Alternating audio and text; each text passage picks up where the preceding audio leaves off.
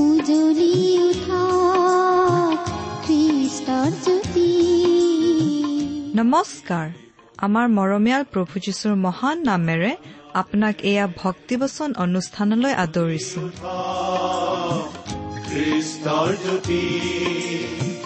আকাশ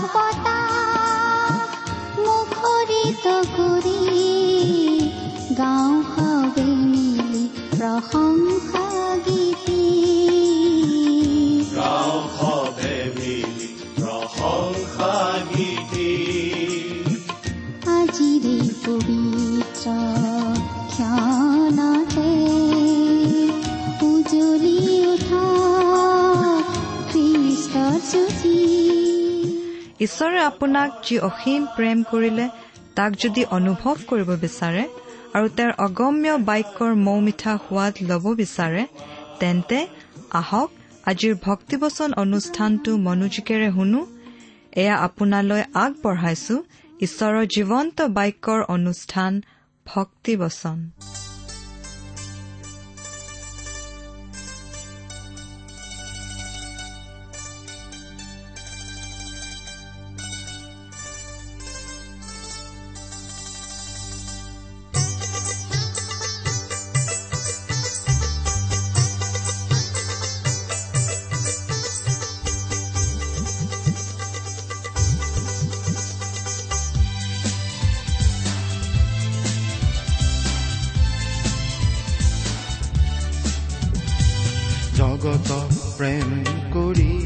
ঈশ্বৰে পুত্ৰ যীশুকেই দান কৰিলে। তেওঁত বিশ্বাস কৰা জন যাতে যায় অনন্ত জীৱনলে। তেওঁত বিশ্বাস কৰা কোনো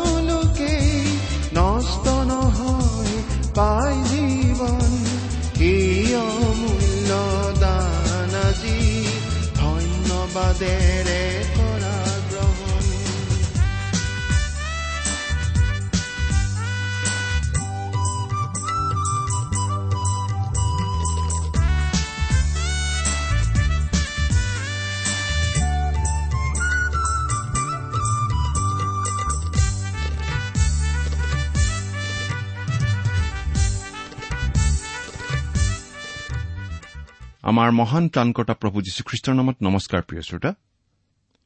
আপোনাৰ ভালনে বাৰু?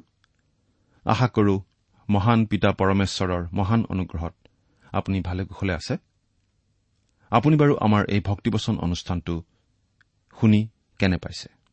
অনুষ্ঠান সম্বন্ধে আপোনাৰ কিবা মতামত বা কিবা দিহা পৰামৰ্শ আদি আছেনে? অনুগ্ৰহ কৰি আমালৈ চিঠি লিখি জনাবচোন। আপোনাৰ কিবা জানিবলগীয়া কথা আছেনে? খ্ৰীষ্টীয় বিশ্বাস সম্বন্ধে? আপুনি নিসংকোচে আমালৈ চিঠি লিখি জনাব পাৰে?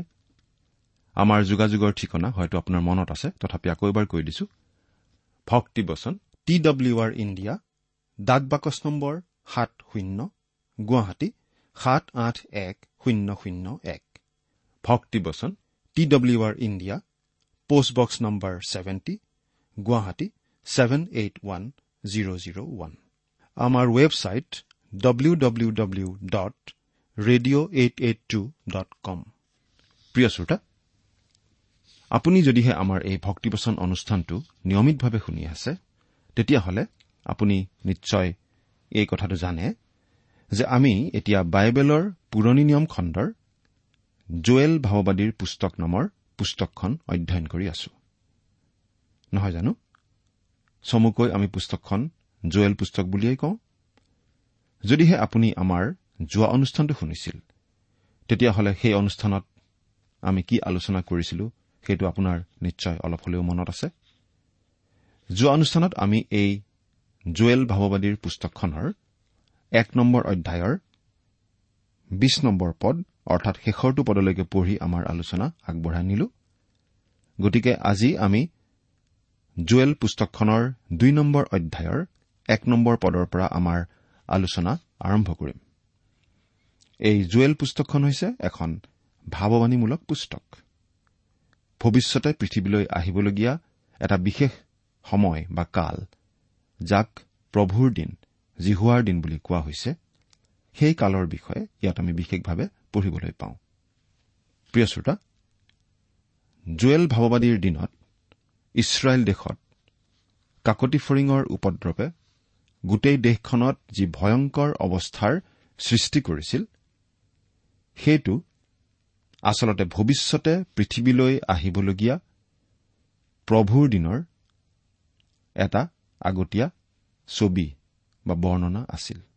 দুই নম্বৰ অধ্যায়তো আমি আহিবলগীয়া সেই প্ৰভুৰ দিনৰ বিষয়টোৱেই চলি থকা দেখা পাওঁ। আমাৰ আগৰ অনুষ্ঠানত আমি এই কথাটো মনত পেলাইছিলো যে ঈশ্বৰে ডায়ুদ ৰজাৰ আগত প্ৰতিজ্ঞা কৰিছিল আহিবলগীয়া ৰাজ্যৰ বিষয়ে।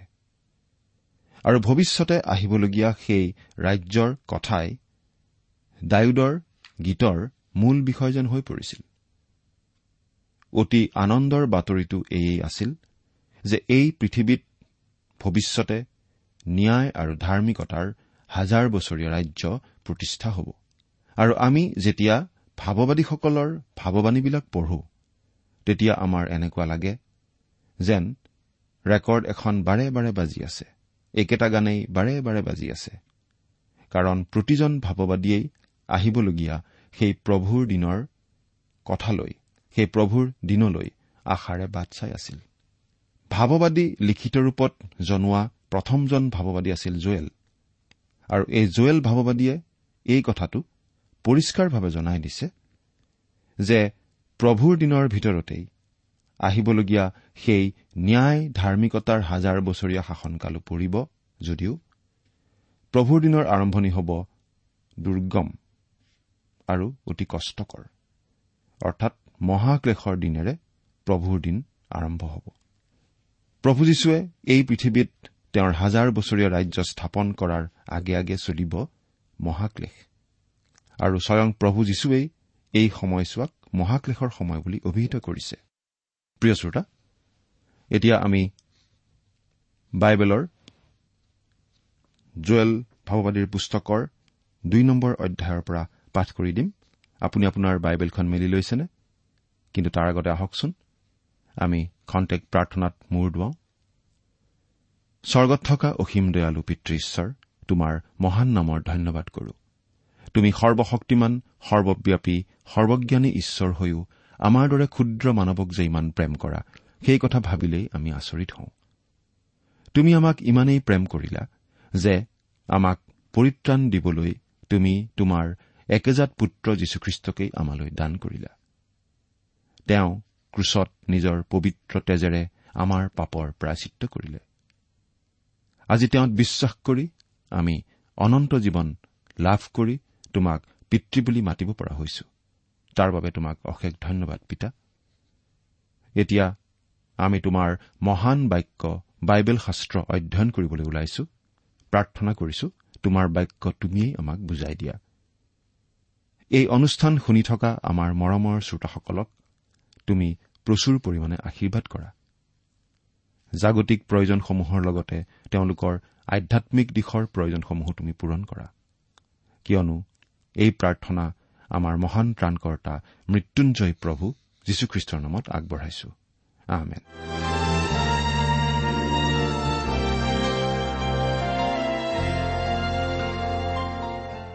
প্ৰিয় শ্ৰোতা এতিয়া আমি জুৱেল ভাৱবাদীৰ পুস্তকৰ দুই নম্বৰ অধ্যায়ৰ এক নম্বৰ পদটো পাঠ কৰি দিছো।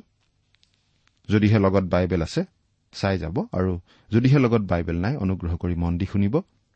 জুৱেল দুই নম্বৰ অধ্যায় এক নম্বৰ পদ। তোমালোকে চিউনত শিঙা বজোৱা। মোৰ পবিত্ৰ পৰ্বতখনত সতৰ্কধ্বনি কৰা। দেশ নিবাসী সকলোৱে কপক। কিয়নো জিহুৱাৰ দিন আহিছে কাৰণ সেয়ে ওচৰ পাইছেহি। জিহুৱাৰ দিন আহিছে। আমি মনত ৰখা উচিত যে লিখিতভাৱে ভাৱবাণী জনোৱা প্ৰথমজন ভাৱবাদী আছিল জুৱেল। তেওঁ শতিকাবোৰৰ মাজেৰে ভৱিষ্যতলৈ চাই পঠিয়াইছিল আৰু দেখা পাইছিল জিহুৱাৰ দিন ভৱিষ্যতত। এই জিহুৱাৰ দিনৰ আৰম্ভণি হ'ব অন্ধকাৰেৰে অৰ্থাৎ ঈশ্বৰৰ পৰা অহা সোধ বিচাৰ দণ্ডেৰে। তাৰ পাছত প্ৰভু যীশুখ্ৰীষ্ট আহিব আৰু এই পৃথিৱীত তেওঁৰ ন্যায় আৰু ধাৰ্মিকতা ৰাজ্য প্ৰতিষ্ঠা কৰিব। তেওঁৰ বিষয়ে মলাখীয়ে এই বুলি কৈছে। পাঠ কৰি দিছো মলাখী চাৰি নম্বৰ অধ্যায়ৰ দুই নম্বৰ পদ। কিন্তু মোৰ নামলৈ ভয় ৰাখোতা যি তোমালোক। তোমালোকলৈ হলে ধাৰ্মিকতাৰূপ সূৰ্য সুস্থজনক কিৰণেৰে সৈতে উদয় হ'ব। তাতে তোমালোকে ওলাই গৈ গোহালিৰ দামুৰিৰ নিচিনাকৈ দেও দি নাচিবা। তোমালোকে চিউনত শিঙা বজোৱা। মোৰ পবিত্ৰ পৰ্বতখনত সতৰ্কধ্বনি কৰা। চিউন মোৰ পবিত্ৰ পৰ্বত। আদিয়ে বুজাইছে জিৰচালেমক। তেওঁ কৈছে যে তেওঁলোকে শিঙা বজাই সকলোকে সতৰ্ক কৰি দিব লাগে। শিঙাৰ গুৰুত্বটো আমি বুজি পোৱা উচিত। আমি আচলতে যিকোনো এটা কথা বুজি পাবলৈ হলে গোটেই বাইবেলখনত কি আছে তাৰ ধাৰণা আমাক লাগে। পটভূমিটো বুজি পালেহে লিখকে কি কৈছে সেই কথা বুজি পোৱাত আমাৰ সহায় হয়। এই শিঙা বজোৱা কথাটোৰ তাৎপৰ্যনো কি বাৰু? গণনা পুস্তকত আমি দেখিবলৈ পাইছিলো যে ইছৰাইলৰ লোকসকলে যেতিয়া অৰণ্যৰ মাজেদি যাত্ৰা আৰম্ভ কৰিছিল ঈশ্বৰে তেওঁলোকক দুটা ৰূপৰ শিঙা বনাবলৈ কৈছিল আৰু তেওঁ মুচিক এই দিহা দিছিল। আমি চাওঁ গণনা পুস্তক দহ নম্বৰ অধ্যায়ৰ এক আৰু দুই নম্বৰ পদ। পাছে জিহুৱাই মুচিক কলে তুমি ৰূপৰ দুটা তুৰি সাজা তাক ৰূপ পিতাই গঢ়াবা। মণ্ডলীক মাতিবৰ নিমিত্তে আৰু চাউনীবোৰ উঠি যাবৰ নিমিত্তে তুমি তাক ব্যৱহাৰ কৰিবা। অৰণ্যত ইছৰাইল জাতিক আগবঢ়াই লৈ যাওঁতে ঈশ্বৰে এই শিঙা ব্যৱহাৰ কৰোৱাইছিল। শিঙাৰ প্ৰথমটোত ধনীয়ে এই কথা বুজাইছিল যে মানুহবিলাক যাত্ৰাৰ বাবে সাজু হ'ব লাগে। যেতিয়া নিয়মতম্বুৰ ওপৰত থকা মেঘস্তম্ভটো উঠি আগবাঢ়িব ধৰে তেতিয়া তেওঁলোকে সেই নিয়মতম্বুটো খুলি সামৰি ল'ব লাগিছিল। তাৰ পাছত লগে লগে আৰু এটা শিঙাত ধনী হৈছিল। আৰু মুচি আৰু হাৰুণে জিহুদা ফৈদৰ আগে আগে যাত্ৰা আৰম্ভ কৰিছিল আৰু তেওঁলোকৰ আগে আগে ঈশ্বৰৰ নিয়ম চন্দুকটো কঢ়িয়াই লৈ যোৱা হৈছিল।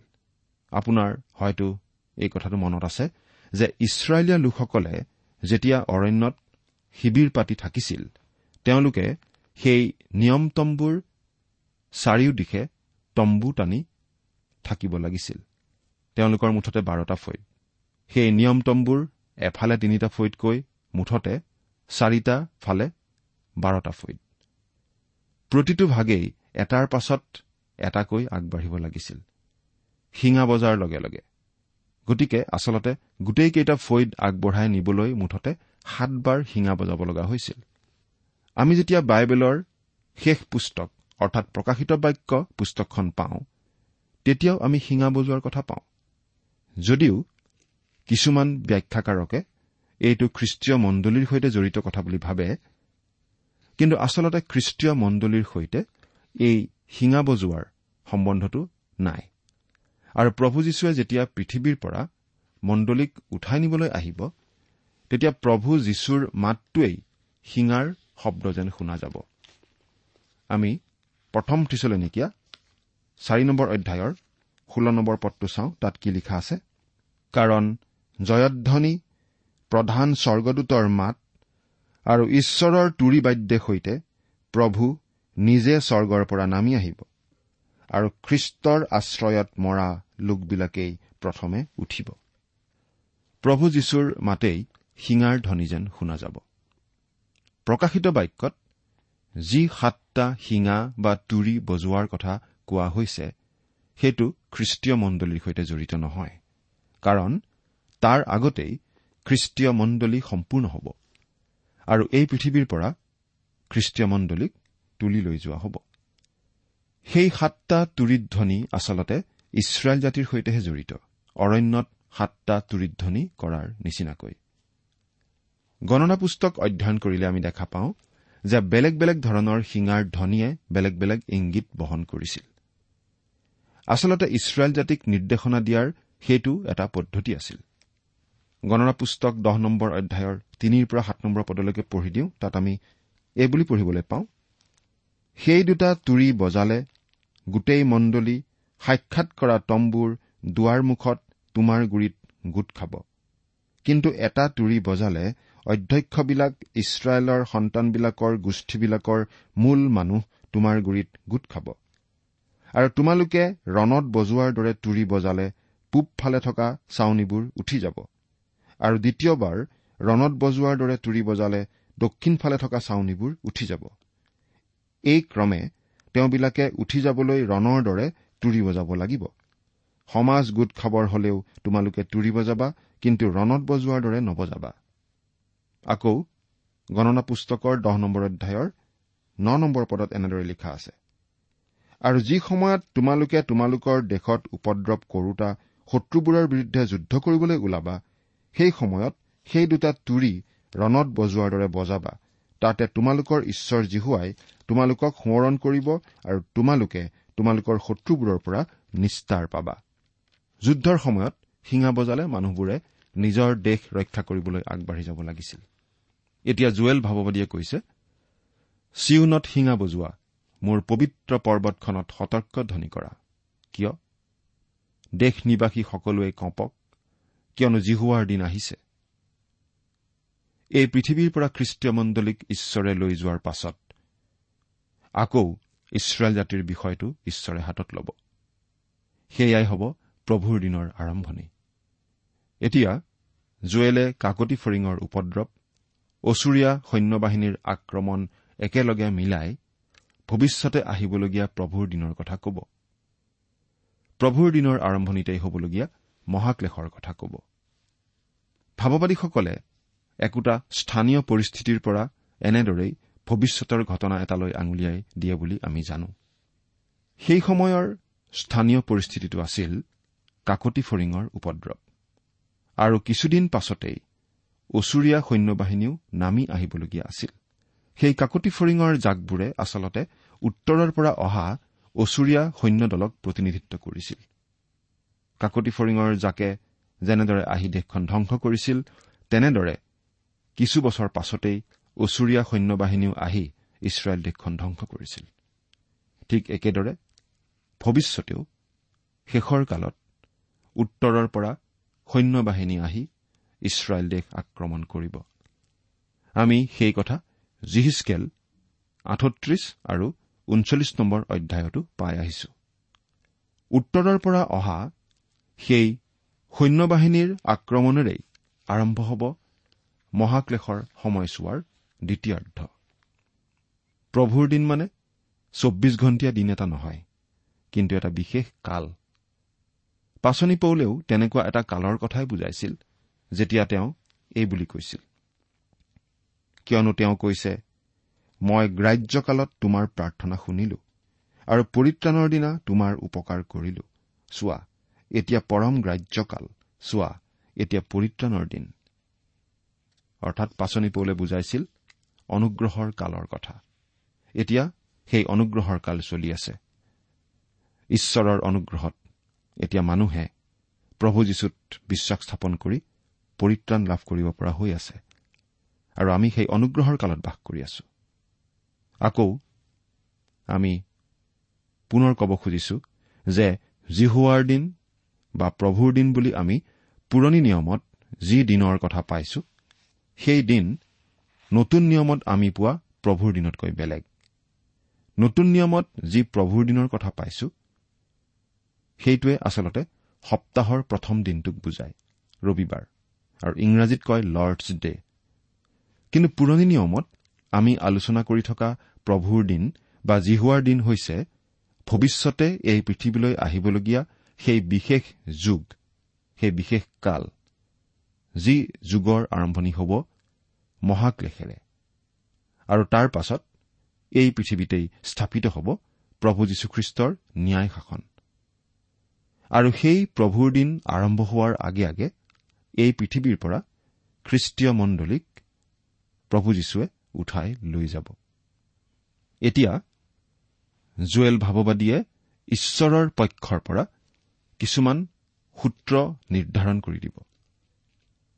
আৰু সেইবোৰেই পিছৰ ভাৱবাদীসকলে ভৱিষ্যতৰ বিষয়ে কোৱা কথাবোৰ নিয়ন্ত্ৰিত কৰিব। ইয়াৰ পাছত সকলো ভাৱবাদীয়ে এই বিশেষ কালৰ বিষয়ে ক'ব। আৰু এই কথা মন কৰিবলগীয়া যে কোনোজন ভাৱবাদীয়েই আনজনৰ কথাৰ বিপৰীতে একো কথা কোৱা নাই বা লিখা নাই। যদিও কিছুমান ভাৱবাদীয়ে গমেই পোৱা নাছিল আন আন ভাৱবাদীয়েনো কি কৈছিল। অৰ্থাৎ তেওঁলোকে যি কৈছিল সেই সকলো কথা যে ঈশ্বৰৰ পৰা পাইহে কৈছিল সেইটোৱেই প্ৰমাণিত হয়। এতিয়া পাঠ কৰি দিম। জুৱেল দুই নম্বৰ অধ্যায়ৰ দুই নম্বৰ পদ। সেয়ে আন্ধাৰ আৰু ঘোৰ অন্ধকাৰৰ দিন ডাৱৰীয়া আৰু ঘন মেঘৰ দিন। পৰ্বতবোৰৰ ওপৰত ব্যাপী থকা অৰুণ যেন মহৎ আৰু পৰাক্ৰমী এক জাতি আহিছে। তাৰ নিচিনা কেতিয়াও হোৱা নাই বা তাৰ পাছত পুৰুষানুক্ৰমে অনেক বছৰলৈকে আৰু নহ'ব। ভৱিষ্যতে পৃথিৱীত যি মহাক্লেশ আহিব সেই প্ৰভুৰ দিনৰ আৰম্ভণিত সেই সময়ছোৱাৰ বিষয়ে প্ৰভু যীশুৱে এই বুলি কৈছিল। মঠিয়া লিখা শুভবাৰ্তা চৌব্বিছ নম্বৰ অধ্যায়ৰ একৈশ নম্বৰ পদত কিয়নো সেই কালত যেনে মহাক্লেশ হ'ব জগতৰ আদিৰে পৰা এতিয়ালৈকে তেনে ক্লেশ কেতিয়াও হোৱা নাই আৰু নহবও। সেই মহাক্লেশৰ সময়ৰ দ্বাৰাই আৰম্ভ হ'ব জিহুৱাৰ দিন প্ৰভুৰ দিন। কাৰণ যিহুদীসকলৰ দিনবোৰ তেনেদৰেই আৰম্ভ হয়। সন্ধিয়া আন্ধাৰ হোৱাৰ পৰাই তেওঁলোকৰ দিনটো আৰম্ভ হয়। আৰু আমাৰ এনেকুৱা এটা ধাৰণা হয় যে কাকতি ফৰিঙৰ জাকটো আহোঁতেও চাৰিওপিনে অন্ধকাৰ হোৱা যেন লাগিব। জিহুৱাৰ দিনৰো আৰম্ভণি হ'ব অন্ধকাৰেৰে ৰাতিৰে মহাক্লেশেৰে। এতিয়া জুৱেল দুই নম্বৰ অধ্যায়ৰ তিনি নম্বৰ পদটো পঢ়িম। ইয়াত এনেদৰে লিখা আছে তাৰ আগত অগ্নিয়ে গ্ৰাস কৰিছে আৰু তাৰ পাছত অগ্নিশিখা জ্বলিছে। তাৰ আগত দেশ এদনবাৰীৰ নিচিনা। আৰু তাৰ পাছত ধ্বংস কৰা অৰণ্যৰ নিচিনা। এনেকি একোৱেই তাৰ পৰা ৰক্ষা নাপায়। সেই কাকতি ফৰিঙৰ জাক অহাৰ আগতে পৃথিৱীখন একেবাৰে এডেনবাৰী যেন লগা হৈ আছিল। এডেনবাৰী যেনেদৰে ফলে ফুলে জাতিষ্কাৰ আছিল কাকতি ফৰিংবোৰ অহাৰ আগতেও সকলোবিলাক ঠাই তেনেকুৱা হৈ আছিল। সকলোপিনে সেউজীয়া গছ গছনি ফলে ফুলে শস্য ভৰা ঠাই। নদন বদন অৱস্থা। দেশখন সুন্দৰ হৈ আছিল। কিন্তু কাকতি ফৰিংবোৰ যোৱাৰ পাছত। কাকতি ফৰিঙৰ উপদ্ৰৱৰ ফলত কতো অলপো সেউজীয়া দেখা যোৱা নাছিল। গোটেই পৃথিৱীখন যেন জুইয়েহে পুৰি গ'ল তেনেকুৱা দেখা গৈছিল। এনেকুৱাই আছিল সেই কাকতি ফৰিঙৰ ধ্বংসলীলা। সেই দিশৰ পৰা জিহুৱাৰ দিনৰ আৰম্ভণিয়েও পৃথিৱীলৈ মাতি আনিব সৰ্বাত্মক ধ্বংস ধ্বংসলীলা। যেতিয়া ভৱিষ্যতে আহিবলগীয়া সেই মহাক্লেশৰ সময়ত সেই চাৰিজন অশ্বাৰোহীয়ে এই পৃথিৱীৰ চাৰিওপিনে ঘূৰিব তেতিয়া পৃথিৱীত যুদ্ধ বিগ্ৰহ আৰু মৃত্যুৰ পয়োভৰ দেখা যাব। আকাল হ'ব মহামাৰী হ'ব। পৃথিৱীখনৰ এক চতুৰ্থাংশ লোক নিমিষতে নিশ্চিহ্ন হ'ব। আৰু আন এক সময়ত পৃথিৱীৰ এক তৃতীয়াংশ জনসংখ্যা একেবাৰে ধ্বংস হ'ব। ইমানেই ভয়াৱহ হ'ব সেই মহাক্লেশৰ দিন। এতিয়া আমি জুৱেল দুই নম্বৰ অধ্যায়ৰ চাৰি নম্বৰ পদটো পঢ়িম। সিহঁতৰ আকৃতি ঘোঁৰাৰ আকৃতিৰ নিচিনা। সিহঁত অশ্বাৰোহী যোৱা দি বেগেৰে যায়। কাকতি ফৰিঙৰ মূৰটো ঘোঁৰাৰ নিচিনা। আৰু ইটালীয় ভাষাত ফৰিং বুজাবলৈ ব্যৱহাৰ কৰা শব্দটোৰ আচলতে অৰ্থ হৈছে সৰু ঘোঁৰা বা আন এটা ইউৰোপীয় ভাষাত খেৰৰ ঘোঁৰা। ঘোঁৰাই খেৰ খোৱাৰ নিচিনাকৈ কাকতি ফৰিঙে সেউজীয়া সকলোবিলাক খাই খাস্তাং কৰে। জুৱেলে কাকতি ফৰিঙৰ উপদ্ৰৱৰ বৰ্ণনাৰে ভৱিষ্যতে পৃথিৱীলৈ আহিবলগীয়া জিহুৱাৰ দিনৰ আৰম্ভণিৰ ভয়াৱহতাৰ কথা বৰ্ণনা কৰিছে। প্ৰিয় শ্ৰোতা পৃথিৱীলৈ সেই দিন আহি আছে।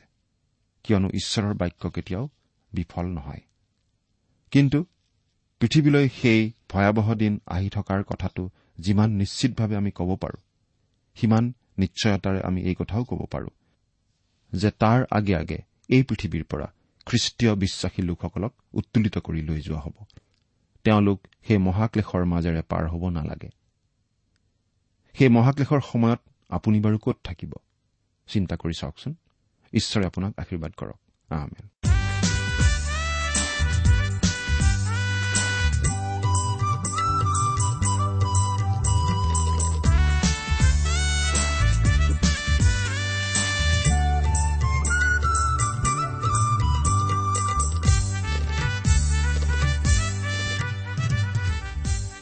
ইমান পৰে আপুনি ভক্তিবচন অনুষ্ঠানটি শুনিলে। অনুষ্ঠানটি শুনি কেনে পালে? আমালৈ চিঠি লিখি জনাবচোন। অনুষ্ঠানত প্ৰচাৰ কৰা কোনো কথা বুজিব লগা থাকিলেও আমালৈ লিখক। আমাৰ ঠিকনা ভক্তিবচন টি ডাব্লিউ আৰ ইণ্ডিয়া ডাক পাকচ নম্বৰ সাত শূন্য গুৱাহাটী সাত আঠ এক শূন্য শূন্য এক। ঠিকনাটো আৰু এবাৰ কৈছো ভক্তিবচন টি ডাব্লিউ আৰ ইণ্ডিয়া ডাক পাকচ নম্বৰ সাত শূন্য গুৱাহাটী সাত আঠ এক শূন্য শূন্য এক। আপুনি ইমেইল যোগেৰেও আমাৰ সৈতে যোগাযোগ কৰিব পাৰে। আমাৰ ইমেইল আইডিটো হৈছে Assamese T TV at radio' eight eight two dot com. আইডিটো আকৌ এবাৰ কৈছো। Assamese T TV at radio' eight eight two dot com. আপুনি টেলিফোনৰ মাধ্যমেৰেও আমাক যোগাযোগ কৰিব পাৰে। আমাৰ টেলিফোন নম্বৰটো হৈছে শূন্য তিনি ছয় এক দুই ছয় শূন্য চাৰি ছয় সাত এক।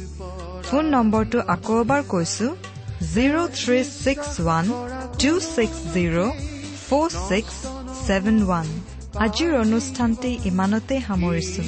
ঈশ্বৰৰ শান্তি আৰু অনুগ্ৰহ আপোনাৰ লগত থাকক। ধন্যবাদ।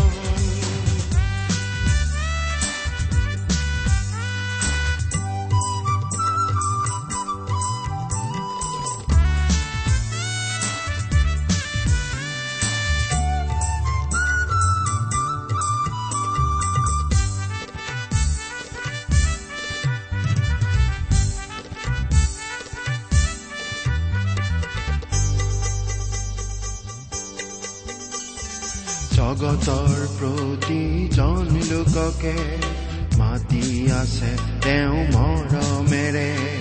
যিচুৰ সেই আহ্বানলে সঁহাৰি দিয়াৰ সময়ে। তেওঁক বিশ্বাস কৰা কোনো লোকেই নষ্ট নহয় পাই জীৱন সেই অমূল্য দান আজি ধন্যবাদেৰে।